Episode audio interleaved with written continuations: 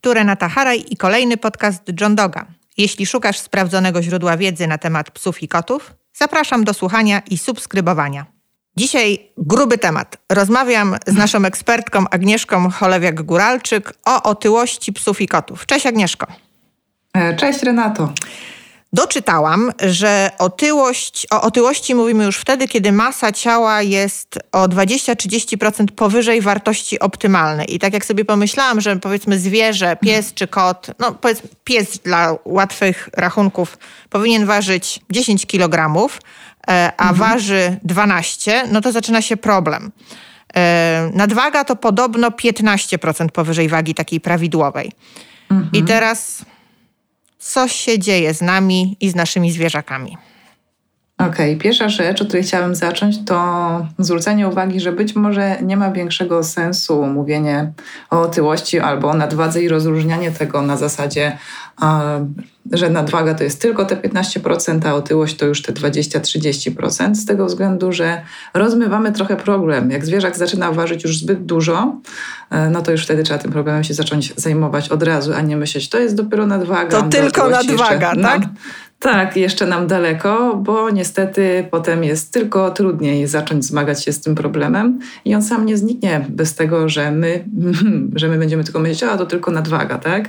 E, także to już wymaga od razu korekty, bo jak sama zauważyłaś, na nasze ludzkie kilogramowe rzeczy to wydaje nam się, że te 2-3 kilogramy za dużo to jest, a, to jest nic, co to jest tam 2-3 kilogramy, tak? Każda kobieta zawsze chciałaby zrzucić 2-3 kilogramy, tak?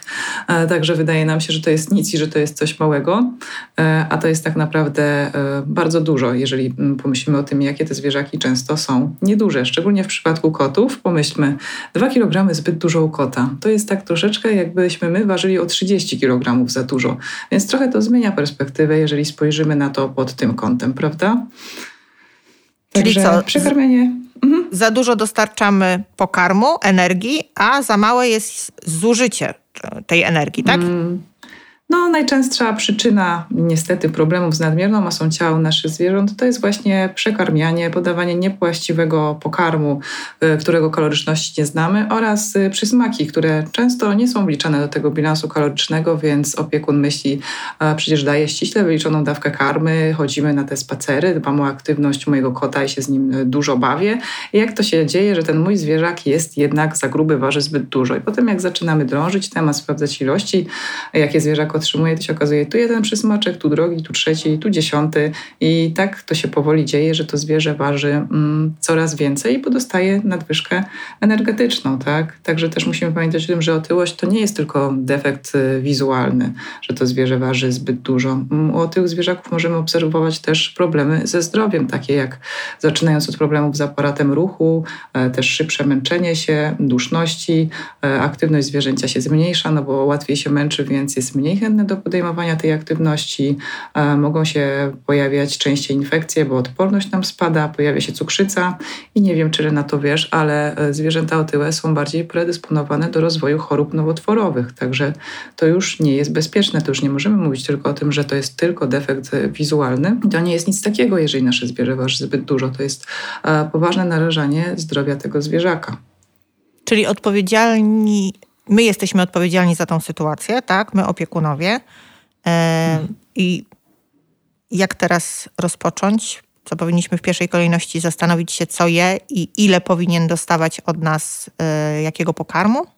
Jak byś to mm. zrobiła? Mm. Myślę, że pierwsza rzecz to właśnie spojrzeć w lustro i mówiąc wprost, wziąć na klatę to, że stało się tak, że nasze zwierzę waży zbyt dużo. Tak? Jeżeli jesteśmy na milion procent przekonani, że nie przekarmiamy zwierzaka, bo liczymy od zawsze zapotrzebowania energetyczne, dbamy o ruch i nie przekarmiamy przysmakami, no to tego zwierzaka trzeba przede wszystkim zbadać, bo być może w niektórych przypadkach nadmierna masa ciała e, ma swoją przyczynę w problemach zdrowotnych, daleko nie szukając chociażby niedoczynność tarczycy u psiaków. Tak? Tak, e, która dość powszechnie potrafi występować u psów w starszym wieku, może się przyczyniać do tego, że takie zwierzę będzie łatwiej przybierało na masie ciała i wtedy też trochę inaczej trzeba podejść do planu odchudzania. Tak?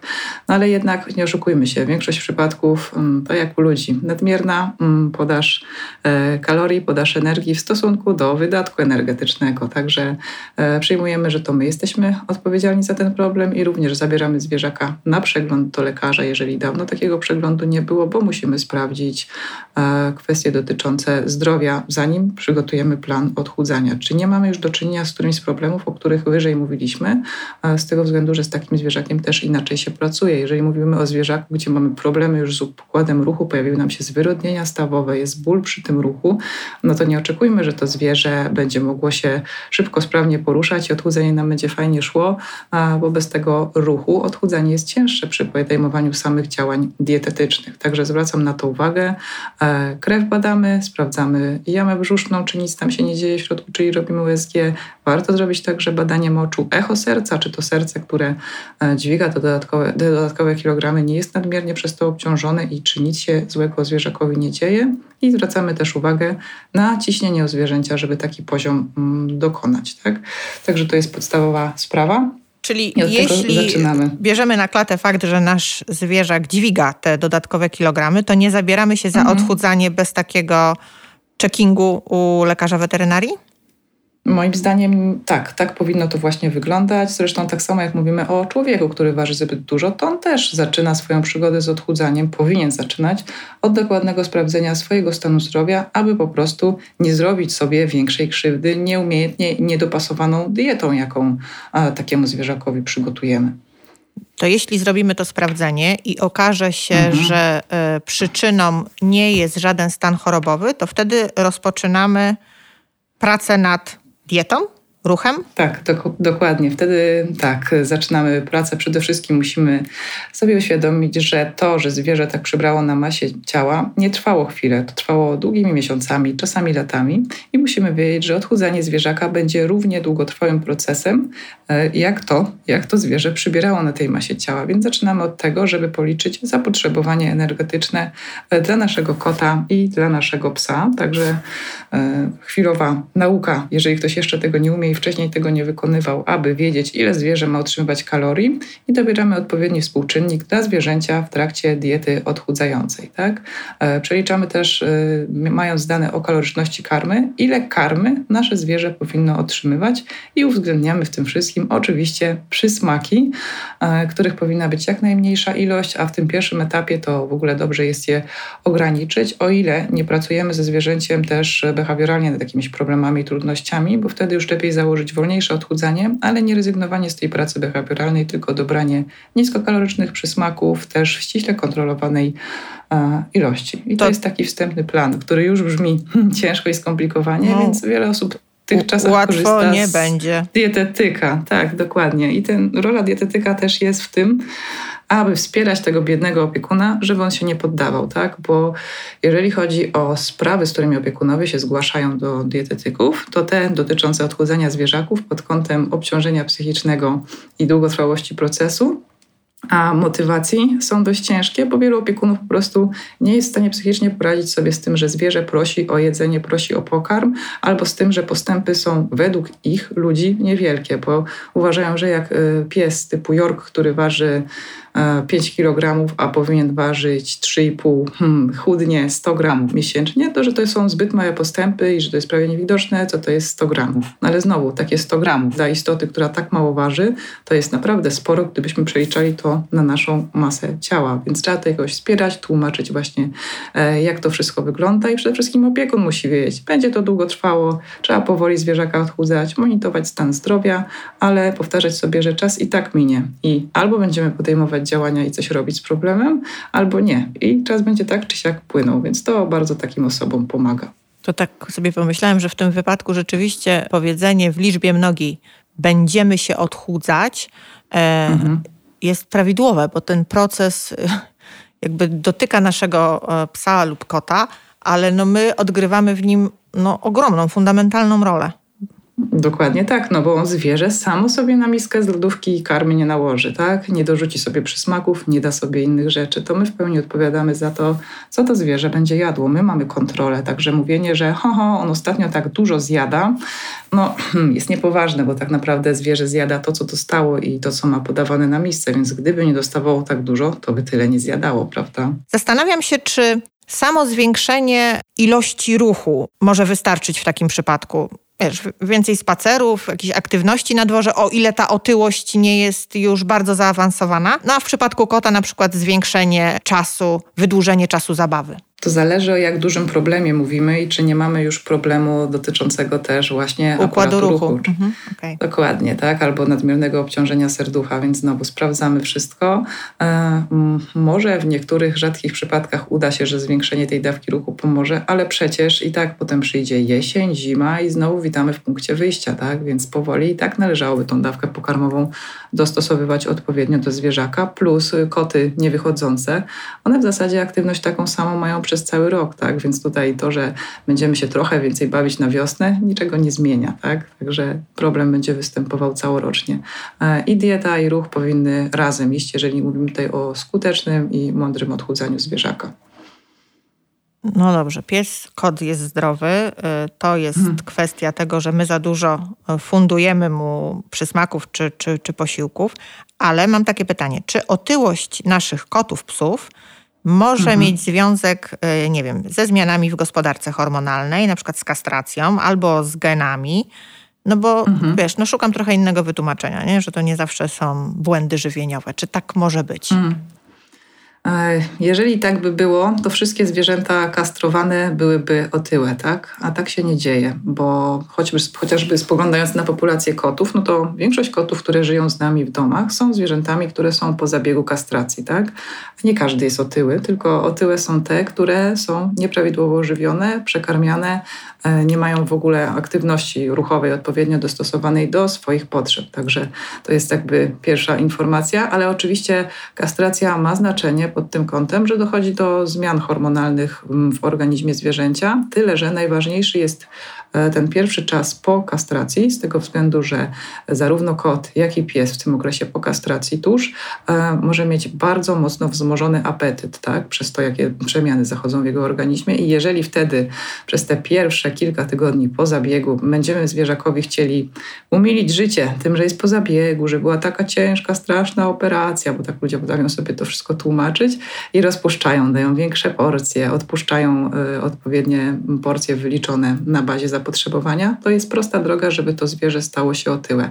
Pamiętajmy też, że jak mówiłam wcześniej o wyliczaniu dawki pokarmowej, to w tą dawkę pokarmową wyliczamy, uwzględniając to, czy zwierzę jest zwierzęciem, które jest wykastrowane. Tak? Także mamy wtedy mm, odpowiedni dobór tej dawki pokarmowej. I tak, są rasy, które są e, predysponowane do łatwiejszego nabierania większej masy ciała. No, standardowy przykład to chociażby labradory.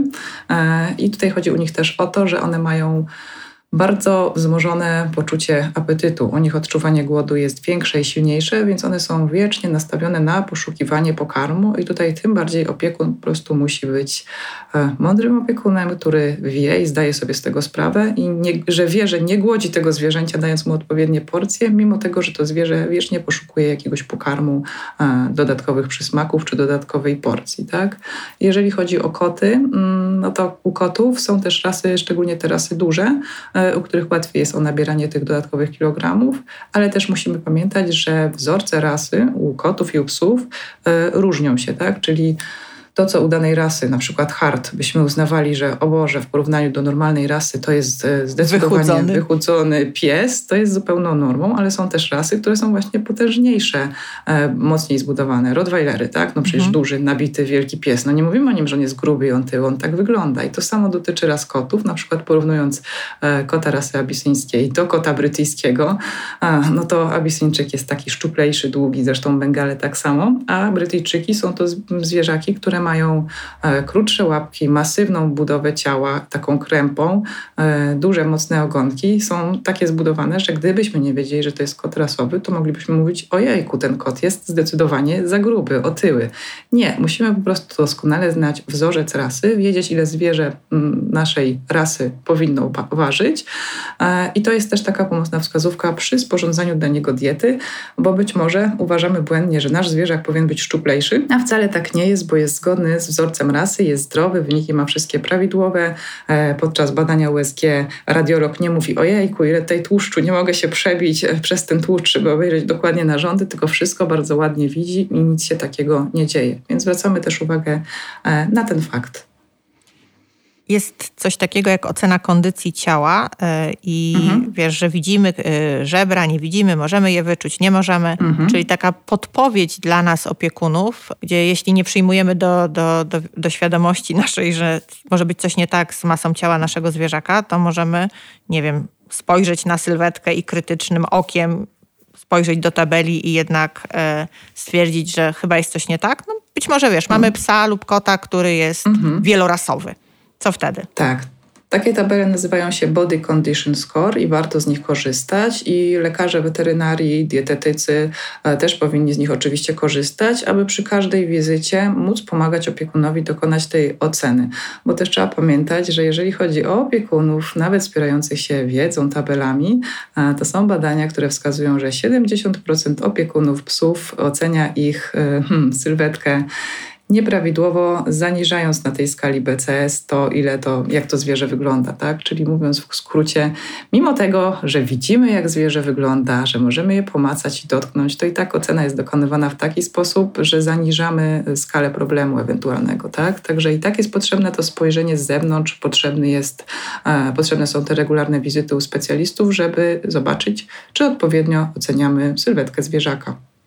Jak byś radziła wprowadzać zmiany w diecie naszego zwierzaka? Jest zdrowy, ma, wiesz, mhm. nadwyżkę kilogram. Okay, ma nadwyżkę, wszystko sprawdziliśmy, wiemy jak to wszystko wygląda, wiemy ile kalorii ma przyjmować, powiedzmy, że jest to zwierzę bez e, żadnych alergii i nie jest to zwierzę, które ma e, taką selektywność pokarmową, czyli są pokarmy, których nie zje. To ja bym przede wszystkim się skupiła na prowadzeniu niskokalorycznej karmy mokrej bądź dieta barw też z produktów takich o niższej kaloryczności, e, aby to zwierzę dostawało mokry pokarm z tego względu, że mokry pokarm w porównaniu do suchego pokarmu e, gwarantuje nam większe wypełnienie żołądka, co jest bardzo ważne ważne z tego względu, że psychicznie zwierzakowi jest łatwiej wtedy znieść dietę, którą mu proponujemy, więc i nam, opiekunom, jest łatwiej tego zwierzaka odchudzać, bo on nie, nie chodzi ciągle pod lodówkę, nie poszukuje tak intensywnie wzmożenie tego pokarmu, po prostu lepiej się czuje na tego typu diecie. Tak?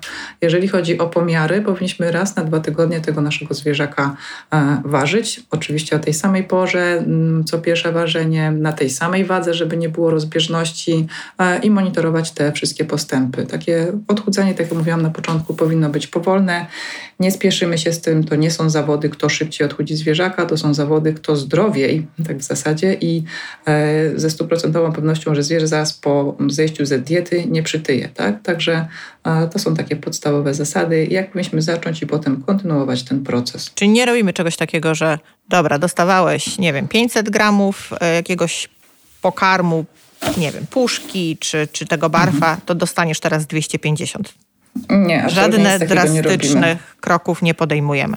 Nie, nie, nie. I to właśnie albo dieta musi być ułożona pod tego zwierzaka, czyli ten barw, czy gotowana dieta, a puszki też zwracamy wtedy uwagę na kaloryczność, na przykład na karmy, które e, będą miały też przy tym niską zawartość tłuszczu przy wyższej zawartości białka, z tego względu, że, szczególnie to jest istotne przy kotach, z tego względu, że mimo tego, że odchudzamy zwierzaka, obcinamy dawkę kaloryczną, to my musimy spełnić zapotrzebowanie na inne substancje odżywcze, czyli na białka, na tłuszcze, na wszystkie witaminy. Tak? To nie jest tak, że my możemy możemy ściąć tą dawkę e, i to tyle, jesteśmy z siebie zadowoleni, tylko musimy zapewnić zwierzakowi pozostałe substancje odżywcze, tak samo jak temu e, nieotyłemu, tak? To się nie zmienia.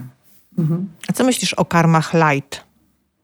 Mm, myślę, że tu wszystko zależy tak naprawdę od składu. Oczywiście, tak jak mówiłam wcześniej, suche karmy, mm, czy to light, czy nie light, cokolwiek, to i tak e, z powodów behawioralnych dla zwierząt y, nie jest odpowiednie rozwiązanie, bo one nie czują się na czymś takim e, dobrze, bo ta dawka pokarmowa jest zdecydowanie zbyt mała, ale dobra karma light o dobrze rozpisanym mięsnym składzie jest jak najbardziej ok i można z tym śmiało działać. A co jeśli robimy no wszystko, co możemy, wierzę, że tak się mhm. będzie działo. E, mhm. I ta waga ani drgnie, waga, masa ciała. Jakby jesteśmy w tym mhm. punkcie wyjścia. Jesteśmy niecierpliwi, czy, czy, czy może rzeczywiście coś się dziać?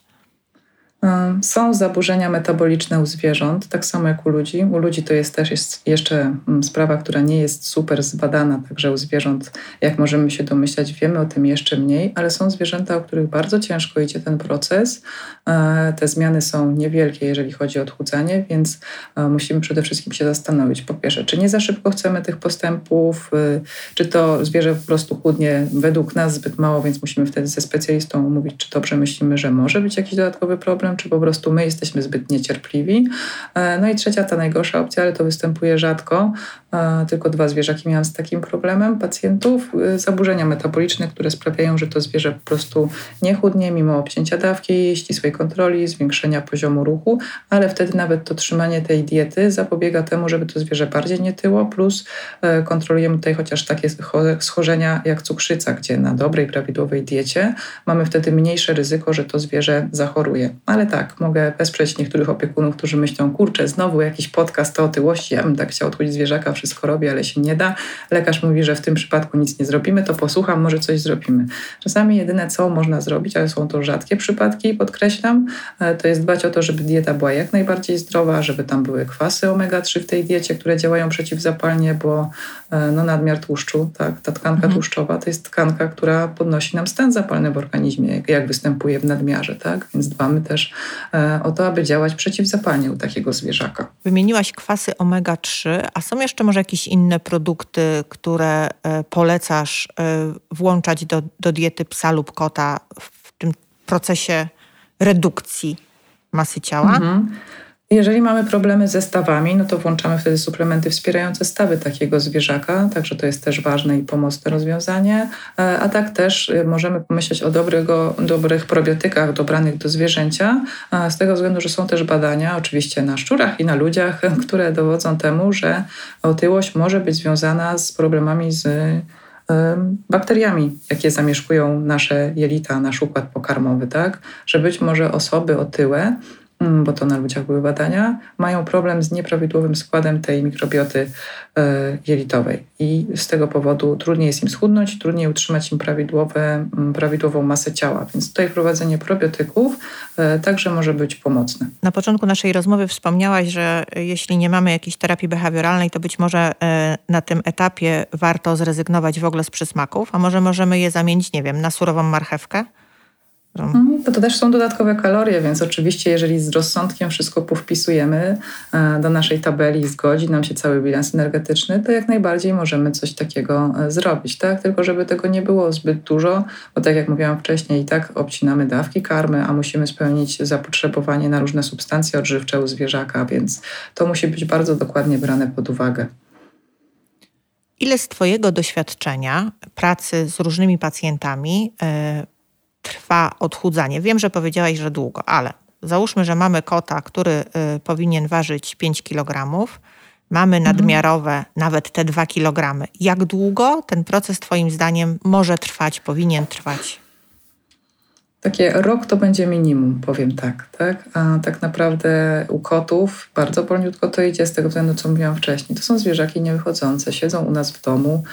Kot taki nawet zdrowy, bez żadnych problemów zdrowotnych, około 18 godzin na dobę spędza na spaniu, tak. Także um, po, musimy zaplanować, że to chudnięcie będzie długo trwało. E, takie 2 kg to nawet 2 lata mogą zająć. To teraz pies? 10 kg, 2 kg nadwagi, czyli mamy te. U psów to też zależy od tej aktywności, od rasy, od trybu życia opiekuna, z tego względu, że to jest ciekawostka. Wykonano badania, z których wynika, że otyły opiekun będzie miał większą szansę na to, że jego pies również będzie otyły, z tego względu, że ten opiekun będzie zaniżał aktywność, bo sam nie będzie miał siły jej dobrze podejmować. Tak? U kociarzy nie ma takiej, takiej relacji, nie ma takiego związku między otyłością opiekuna a otyłością e, zwierzaka. Także u psów to zależy, ale generalnie myślę, że kilka miesięcy trzeba założyć na gubienie tych kilogramów, e, a w skrajnych przypadkach, jak mamy dużo do stracenia, to też rok, dwa lata. Wszystko jest kwestią danego osobnika, jak szybko chudnie i danego opiekuna, jak bardzo będzie zdeterminowany, jak bardzo będzie podejmował też aktywność z tym swoim zwierzęciem e, i to musimy brać pod uwagę tak podsumujmy, tak sobie wyobrażam, że, że nasi słuchacze, słuchając nas, zerkają na swoje e, psy, koty i tak myślą, mhm. mam spaczone patrzenie, czy nie? Widzę, dostrzegam te nadmiarowe kilogramy, czy nie dostrzegam? Czyli co? Jakby krytycznie patrzymy i zastanawiamy się, e, czy jest coś tak. nie tak, czy nie jest. Badamy naszego zwierzaka, jeśli dawno takich badań nie miał, bo być może jest po jakimś tam mhm. przeglądzie Mhm. I jeśli jest wszystko ok, to próbujemy sami, wyliczając dawkę e, zapotrzebowania kalorycznego dziennego, my mm, tutaj damy takie odpowiednie tabele, które może trochę podpowiedzą naszym słuchaczom, a jeśli możemy, mamy taką możliwość, to kontaktujemy się z dietetykiem.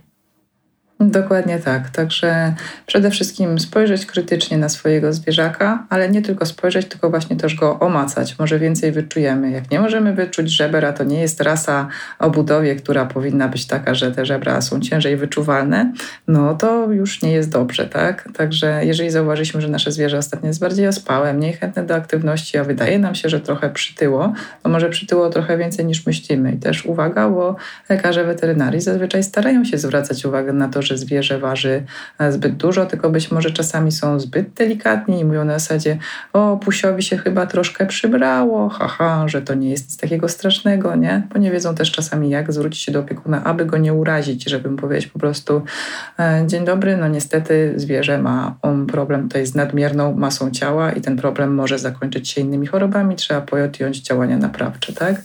E, także, żeby tutaj poprosić lekarza, jak jesteśmy na przeglądzie, żeby nam śmiało powiedział, co on myśli o masie ciała zwierzaka, tak? Bo on go widzi raz na jakiś czas, więc powiedzmy, że ma mniej spaczone mm, spojrzenie na tego zwierzaka. Czyli dzień dobry, y, psu się troszeczkę przytyło czy kotu. U otyłych zwierzaków obserwujemy męczenie, duszność, wzrost ciśnienia krwi, spadek aktywności, problemy z układem ruchu. Mhm. Czy idziesz w to, czy zabieramy się do roboty, tak?